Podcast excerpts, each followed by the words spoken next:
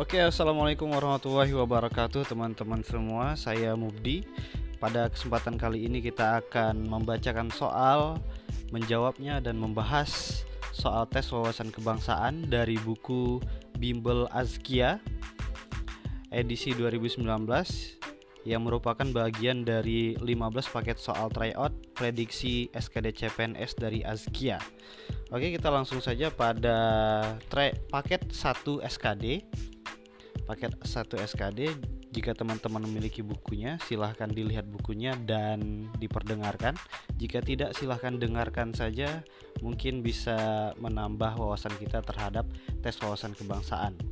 Oke paket 1 SKD TWK nomor 1 Jabatan Wakil Presiden Indonesia pernah mengalami kekosongan sejak tahun A 1949 sampai dengan 1973 Pembahasannya bagaimana? Baik, kita lihat. Jabatan Wakil Presiden Indonesia pernah mengalami kekosongan sejak tahun 1949 sampai dengan 1973. Setelah Soeharto diangkat menjadi pejabat presiden tahun 1967, jabatan Wakil Presiden juga masih kosong dan jabatan Wakil Presiden baru ada pada tanggal 24 Maret 1973 oleh Sultan Hamengkubuwono ke-9. Jadi kekosongan wakil presiden Indonesia terjadi pada tahun 1949 sampai dengan 1973. Kemudian kita lanjutkan nomor 2. Wakil Presiden Indonesia yang ketiga dijabat oleh Adam Malik.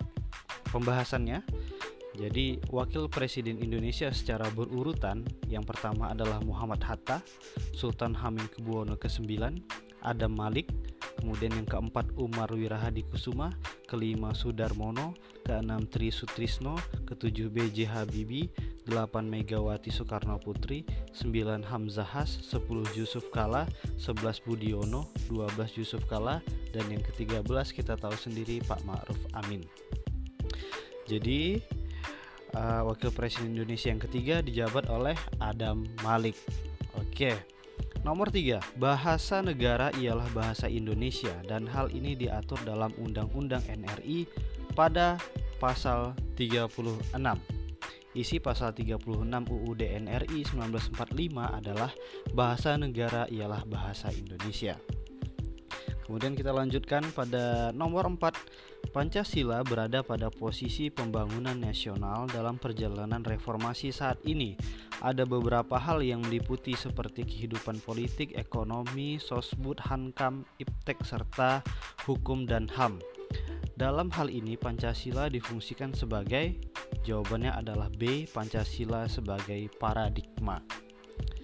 Sebagai suatu paradigma reformasi, Pancasila merupakan model atau pola berpikir yang mencoba memberikan penjelasan atas kompleksitas realitas sebagai manusia, personal, dan komunal dalam bentuk bangsa yang menjadi paradigma justru sila-silanya karena sila-sila tersebut mengandung sejumlah nilai yang satu dengan yang lain saling melengkapi. Pancasila sebagai paradigma juga berada pada posisi pembangunan nasional yang meliputi segenap bidang kehidupan seperti politik, ekonomi, sosial, dan budaya, dan pertahanan dan keamanan juga di bidang ilmu pengetahuan dan teknologi, serta hukum dan hak azazi manusia di samping yang lain. Jadi jawaban yang nomor 4 adalah Pancasila sebagai paradigma.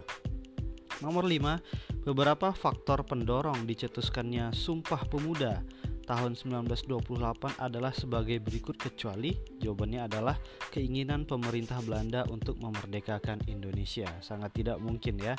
Jadi pembahasannya adalah beberapa faktor pendorong dicetuskannya Sumpah Pemuda tahun 1928 adalah sebagai berikut. Yang pertama, kesadaran pemuda terpelajar Indonesia untuk merdeka.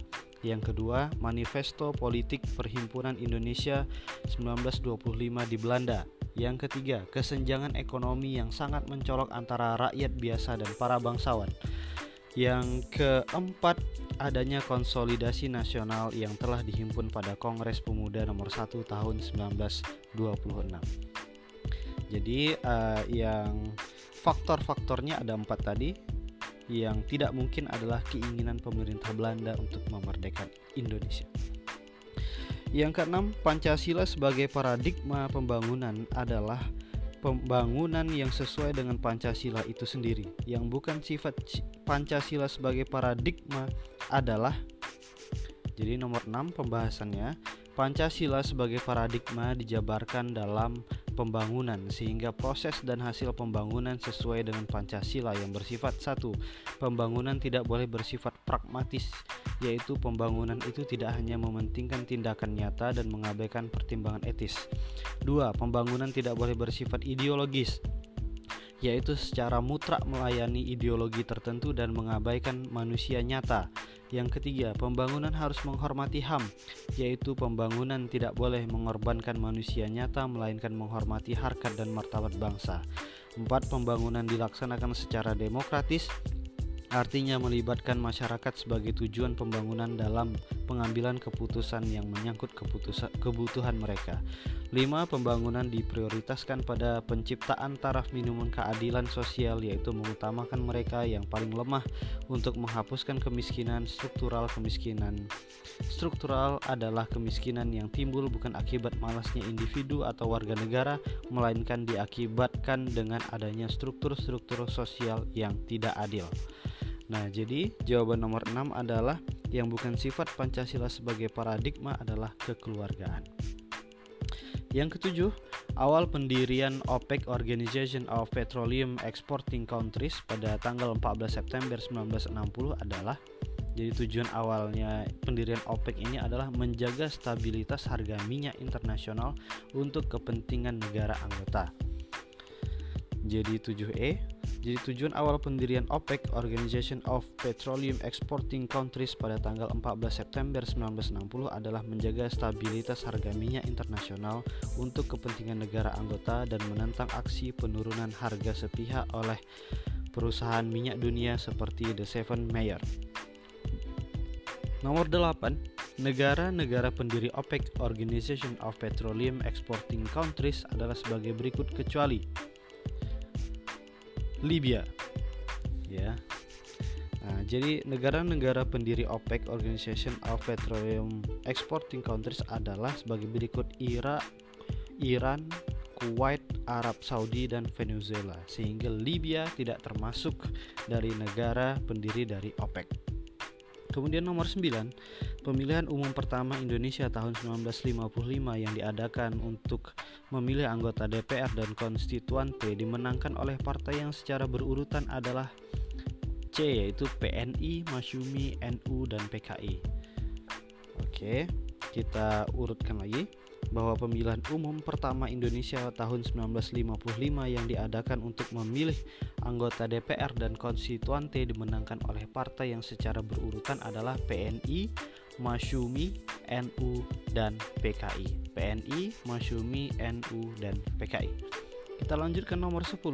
Setiap orang berhak untuk berkomunikasi dan memperoleh informasi untuk mengembangkan pribadi dan lingkungan sosialnya serta berhak untuk mencari, memperoleh, memiliki, menyimpan, mengolah dan menyampaikan informasi dengan menggunakan segala jenis saluran yang tersedia. Merupakan isi Undang-Undang NRI 1945 pada jawabannya adalah B pasal 28F. Isi dari pasal 28F UUD NRI 90 45 adalah setiap orang berhak untuk berkomunikasi dan memperoleh informasi untuk mengembangkan pribadi dan lingkungan sosialnya serta berhak untuk mencari, memperoleh, memiliki, menyimpan, mengolah dan menyampaikan informasi dengan menggunakan segala jenis saluran yang tersedia. Oke, itu dulu 10 soal pada SKD pertama. Kita lanjutkan eh, soal-soal uh, berikutnya pada rekaman selanjutnya. Terima kasih.